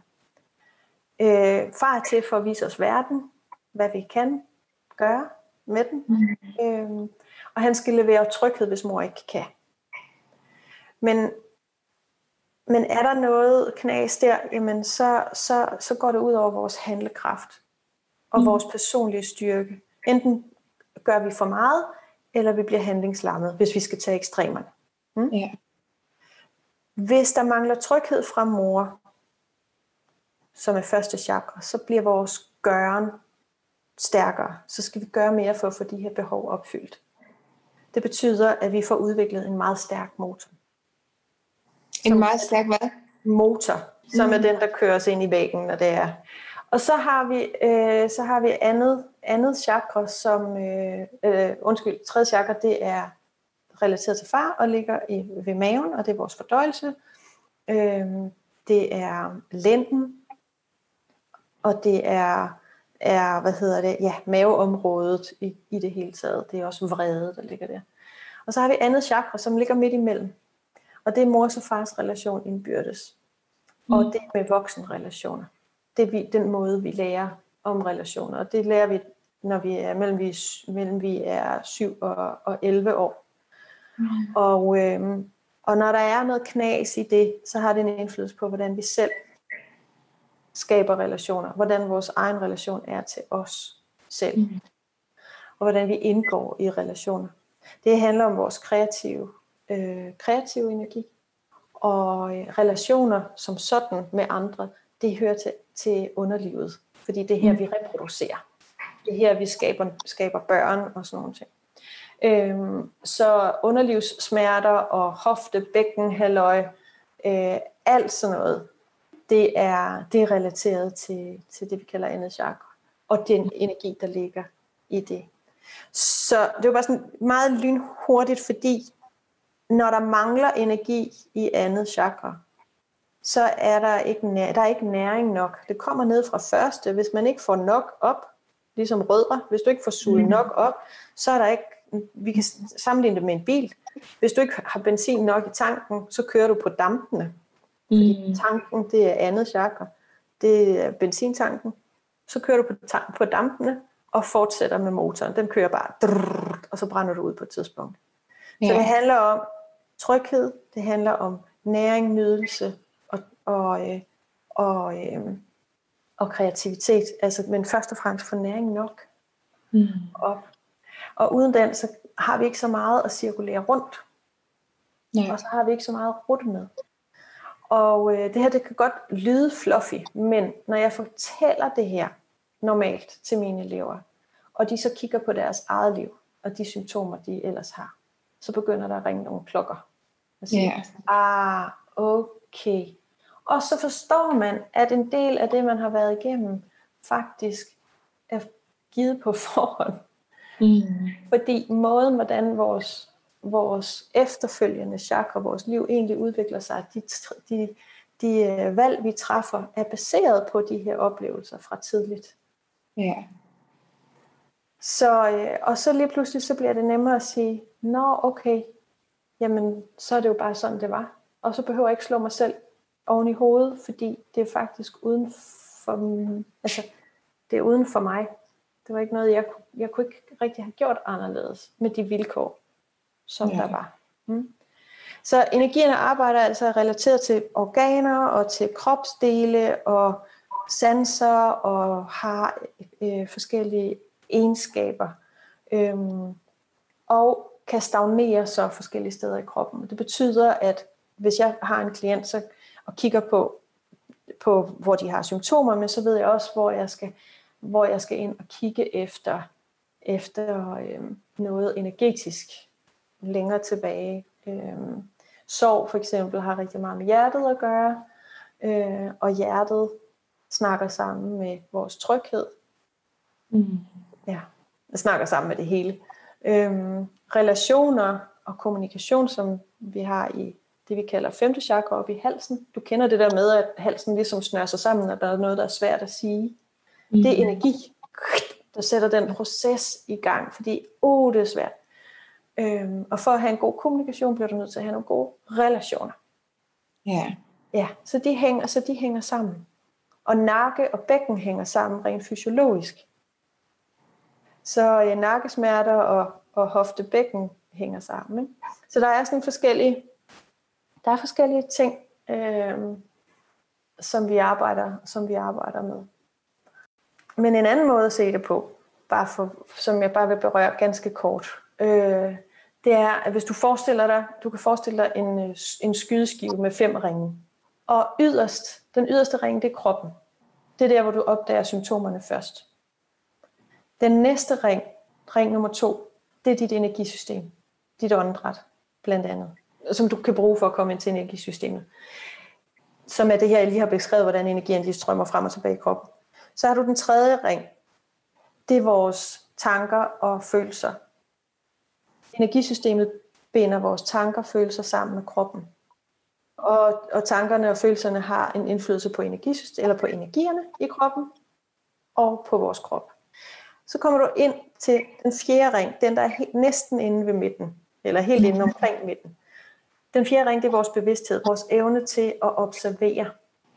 Så det er ikke vores tanker, men det er den, der kan se tankerne, og kan visualisere, og kan, og kan se ting, og mærke, hvad det er. Når nu observerer, når nu, nu kilder det her, eller hvad ved jeg. Det er bevidstheden. Og aller inderst, aller, aller inderst i midten, der har vi lyset.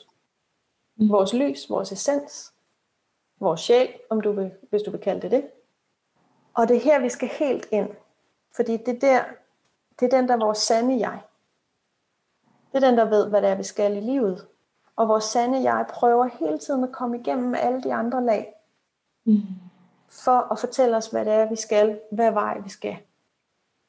Men når vi først skal igennem kroppen, og vi skal trænge igennem vores energier, og vi skal trænge igennem vores tanker og følelser, og vi skal ind til bevidstheden for overhovedet at få kontakt med mm.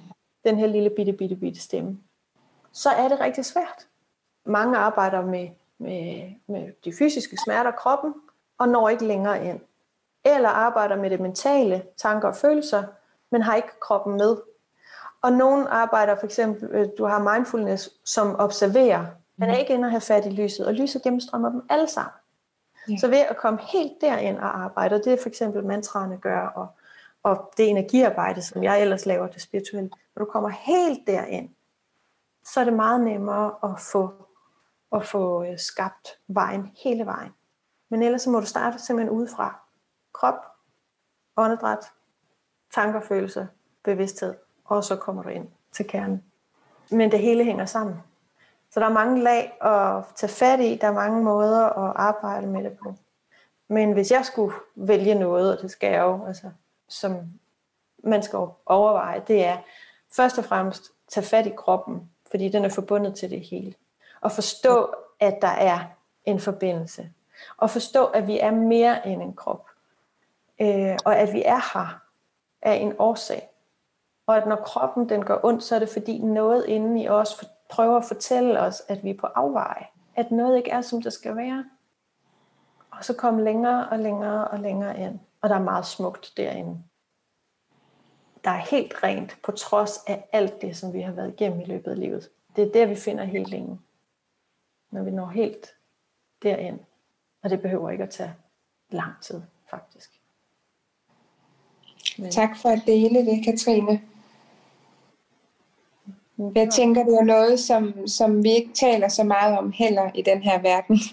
Det er meget alt det der, vi kan, vi kan tage og, og føle på og se. Og, så det her er jo lidt, lidt mere inde i det subtile lag, og så på en måde også noget af det, der bare gennemsyrer alt, hvis det er, at vi får kontakt til det. Øhm, så det er rejsen værd, tænker jeg også. Det er det. Men, men hvis man nu sidder derude og lytter med og tænker, puha, det var lige, det var lige en drejning det der, men, men man tænker, man, jeg genkender mig ned med stress og sådan noget. Hvad, hvad vil så være et godt sted at starte? Bare et sted. Åndedrættet. Åndedrættet. Ja. Åndedrættet, og, og øh, fordi åndedrættet forbinder kroppen og tankerne. Ja. Så du, får, så du kan blive bevidst om, du kan blive bevidst om, øh, hvad det er, der foregår. Ja. Og når du først bliver bevidst om det, så bliver det nemmere også at lytte til, lytte til den stemme, der er inderst. Ja. Så hvis man er helt ny, altså hvis man, hvis man selv er, øh, er spirituel og, og, og sådan noget, og ikke har kontakt til kroppen, specielt, men hvor det hele er sådan mere flyvsk, så er det rigtig nødvendigt ja. at få fat i kroppen, for at grounde og for, for at få det ind i hverdagen. Fordi ellers mm. bliver det hurtigt sådan noget øh, uhåndgribeligt. Øh, ja. Omvendt er man kun øh, mest krop og slet ikke til det spirituelle, jamen så tag åndedræt. Altså, ja. ikke? Men øh, er man frisk på at arbejde med lyset direkte, fordi det kan gøre rigtig meget, så, så, er, det, så er det det, man skal. Så er det det, man skal ja. vælge. Ikke? Så det kommer an på, hvilken lejr man er i. Altså, hvor er, hvad føles mest naturligt for mig? Det, der er så genialt også ved åndedrættet, det er jo, at det er det, der er forbindelsen mellem den ydre verden og den indre verden. Og ja. den er dybt forbundet til, hvordan vi har det. Så hvis vi er stresset, er det på en måde. Hvis vi er afslappet, er det på en måde. en anden måde, hvis vi har ondt, er det på en tredje måde. Så det er hele tiden noget, der er i bevægelse og foranderlig i takt med, at, at at vi navigerer igennem livet.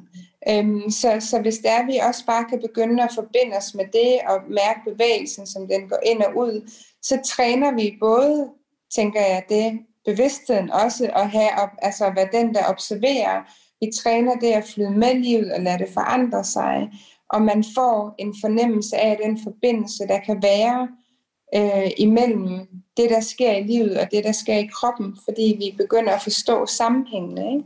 Mm, lige præcis. Ja. Og, øh, og så det her med at kombinere åndedrættet selvfølgelig med kroppen. Altså med ja, kroppens bevægelser. Ikke? Men, men virkelig have fokus på sit åndedræt. Hvis man bare i dag siger, okay, jeg kender ikke nogen med, med altså jeg vil bare gerne gøre noget andet, men så få åndedrættet ned på fire gange i minuttet. Hvor mm. din udånding er længere end din indånding. Så du øh, for eksempel ånder ind i 5 sekunder, puster ud i 10 sekunder, Mm. Eller tæller til syv på vej ind og otte på vej ud. Ja. simpelthen får det ned, og gør det i nogle minutter, mm. og så oplever, hvad der, hvad der sker. Ja. Det er, det vil være rigtig godt. Og så kan man begynde det her med at stille og roligt få, få kroppen med. Altså, Ja. Mm. de, hænger, de, hænger, de hænger sammen. Jeg tænker, at vi skal til at at runde af nu, øh, Katrine. Vi har været vidt omkring. Alt fra øh, lige til, hvad der kan udfordre både øh, før, under og, og efter stress, og, og hvor vigtigt det er, det her med at få kroppen med, og kunne mærke den, begynde at forstå de signaler og respektere de signaler, den sender konstant, og hvor vigtigt det er at, at kigge på vores relationer, også hvis vi går ned med stress, hvordan de påvirker, om det er nogen, der er nære eller stresser, og om hvor gode vi er til at kommunikere behov og grænser med hinanden også. Øhm, øh, og også hvor øh, i forhold til det her med at forstå, hvordan det hele hænger sammen, så den, den beskrivelse, du gav her til sidst med at forstå kroppen og vejrtrækningen, tanker, følelser og, og bevidsthed og lyset til sidst, og hvordan det faktisk spiller spiller igennem, og, og, øhm, eller sådan har en sammenhæng, og virkelig prøver på at kalde os hjem. Det der satans lys, han har sagt. Det er jo så intelligent, at det hele tiden prøver på at kalde os hjem hele tiden hver gang. Øhm, kroppen og, altså, og lyset eller sjælen vil altid gerne hjem i kroppen. Ja. Det er her, den Ja. bor. Kroppen er, er dens hjem, og, og, og, og hvem vil bo i, i en skraldespand, altså, Ja, ikke? Og hvor der ikke er nærvær, hvor der ikke er varme, hvor der ikke er kærlighed. Der har man ikke lyst til at være, men sjælen vil så gerne hjem. ja, Så lad os give den et ordentligt hjem, ja. øhm, hvor vi får ryddet op i alt det, der ikke fungerer. Øh, Men også at begynde, som du også sagde, det der med at være opmærksom på de subtile energier, som det kan lyde så, så fluffy, men jeg synes, det bliver meget konkret, når man også bruger de her billeder med, og når man går ind i et rum, hvordan føles det, når man går ind i et rum, hvordan oplever jeg det, øh, når jeg er sammen med nogle mennesker, og jeg går derfra, eller mens jeg er der, øh, er det nogen, der nærer mig, er det nogen, der dræner mig, fordi det er også energi, så hvordan er energien med, med sig selv, med ens omgivelser, relationer, så hele tiden tænke på, hvordan kan jeg skabe mere energi, holde mere energi, så jeg kan blive næret? Af den energi, hvad enten det er fra kroppen, fra relationer, fra tanker, øh, hvad det nu må være. At det er så vigtigt, og at det ikke er så, så fluffy, når vi tager det ned på det plan, tænker jeg. Så bliver det meget konkret, i hvert fald inde i mit system, for jeg tror, de fleste kender til de her subtile sansninger. Vi er bare ikke vant til at give dem nogen værdi, eller lægge rigtig mærke til dem, eller sådan, ikke? Ja, og du har det også i øh, det her med at sætte grænser og vores egne ja. behov, ikke? Fordi Ja. øh, er det mit behov, at jeg øh, skal til den og den øh, middag, for eksempel, eller den og den aftale? Mm. Eller er det nogle andres behov, men som faktisk jeg ikke behøver at tilfredsstille? Fordi jeg, Ja. har, ikke, jeg har ikke behov for det. Jeg kan Ja. mærke, at jeg bliver drænet af, og jeg, altså, jeg har slet Ja. faktisk ikke lyst til det. Og så tænker Ja. over, hvad det betyder for mit system. Ja. Fordi hvis jeg er i forvejen er lidt i underskud af energi, nå, men så skal jeg sige fra. Ja. Jeg kan give til andre, når jeg selv er fyldt op og har overskud. Ja. Ellers kan jeg ikke. Fordi så hælder jeg ud af en halv, halvtom kop, eller jeg prikker huller i den kop, jeg har. Øh, hvis vi tager sådan en plastikkrus, ikke? og begynder jeg at prikke huller i. Der er ikke ret meget i i forvejen. Og så alle de der ting, jeg siger, jamen det skal jeg nok, jamen det skal jeg nok, jamen det, den klarer jeg. Eller jo, ja, lad os gøre det.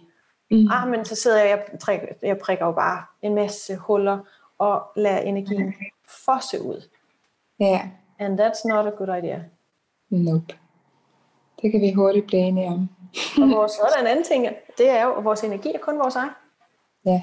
Og vi kan kalde den hjem igen. Ja.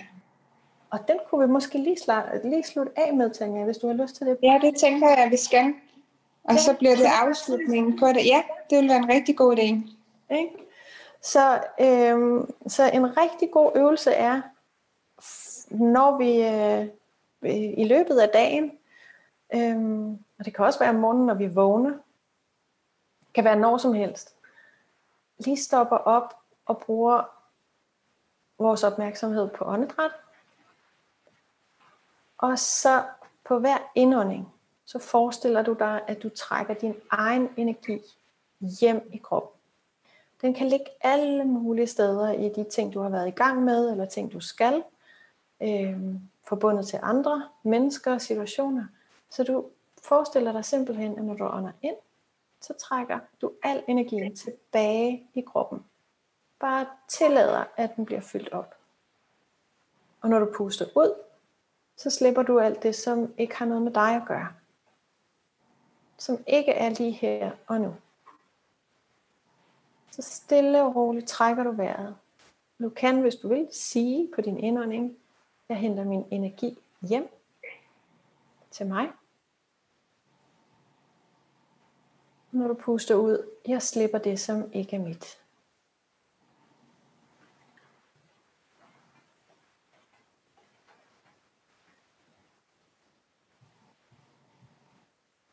Måske kan du mærke, eller også kan du forestille dig, hvordan energien simpelthen selv finder hjem. Prøv at lægge mærke til om på ryggen, og op over hovedet, ned under fødderne, hele vejen rundt om dig. Og bare forestil dig, at du er den her magnet, som trækker din egen energi hjem igen. Du bliver fyldt stille og roligt op med dig selv.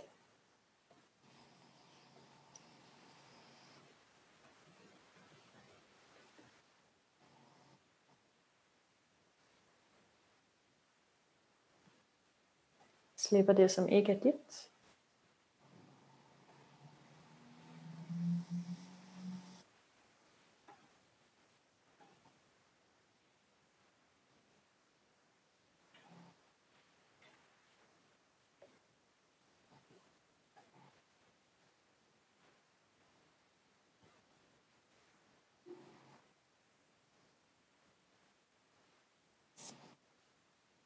Og når du ligesom er fyldt helt op, så kan du bare åbne øjnene igen og mærke, om der er en forskel. Og det er selvfølgelig, jo oftere du gør det, desto nemmere vil det være at spotte. Mm. Jeg bruger den også rigtig tit, og det er sindssygt effektivt. Så jeg tænker, at, at det også er vigtigt lige bare at de praktiske øvelser op. Det var, det var vejrtrækning, der kom en der forskellige metoder, hvorpå man kunne trække vejret. Mm. Det var rygfleksen og bevægelsen hen over ryggen, der kunne hjælpe nervesystemet med at blive balanceret. Og så den her energetiske øvelse til sidst, hvor du hjælper folk med at trække deres egen energi hjem og slippe, slippe igen. Ikke? Fordi det er super simple redskaber, som kan gøre en kæmpe forskel, hvis man gør dem øh, et minut i løbet af dagen, hister her, eller hvis man lige føler sig fyldt op, eller når man kommer hjem efter at have været sammen med andre mennesker, så er det super enkle og effektive redskaber til lige at lande lidt mere hjemme igen. Ikke? Ja, og så læg mærke til, hvad forskellen er så, ja. når du begynder at være mere til stede i din krop. Hvad sker der så i dit liv? Ja. Det er altid spændende at opleve. det er det nemlig. Og man bliver nødt til at gøre det for at få erfaring. Og det er erfaringerne, der hjælper os videre, tænker jeg, hele tiden til at blive ved med at tage nogle skridt i en retning, der føles nærende for os. Ja. Og så det ja. der med, at det er noget, du kan gøre hvor som helst, når som helst, og uden Præcis. at det tager en masse tid. Du skal ikke planlægge noget. Ja. Øh, der skal ikke så meget til, og jo ja. oftere vi gør det, desto nemmere bliver det. Præcis. Og så kan du bare kalde på energien sådan, ding, og så er den her. Altså, det er, det er ret vildt, så øh, det er bare at gå i gang. Ja, og hvis man nu sidder derude og tænker, hende der Katrine der, hun lyder delme spændende, hende kunne jeg godt tænke mig at arbejde mere med, så kan man både gå ind og, og finde dig inde på din hjemmeside, katrinekrake.dk. Mm. Du kommer til at lave et forløb, som går i gang lige her om lidt, den 11. november der hedder Hold din energi i relationer og turbulente tider, som jo er sindssygt relevant altid, men også virkelig lige nu, ikke? Jo, lige præcis. Øhm, og så, så, så har du jo også øh, på, du har forskellige sider på Facebook, hvor du også er ret aktiv, hvor man kan, kan gå ind og følge dig også. Ja, og, og jeg tænker, jeg, øh, Facebook-gruppe, Yogalys, ja, præcis. hvis man har lyst til det. Ja. Hvor du jævnligt kommer med små fif og små yogaøvelser og deler, hvor du lige er på din rejse. Og det er super, super, super spændende og inspirerende at være der. Ja, der er altid noget meditation til fuldmåne, og, og når jeg sådan finder på, finder på mm. noget, så øh, det er en rigtig dejlig gruppe i det hele ja. hvor, øh, hvor man både kan være ny, og man kan være gammel og gavet. Både ja. inden for yoga og inden for det spirituelle. Så, øh, så det er i hvert fald det, der er intentionen. Ja.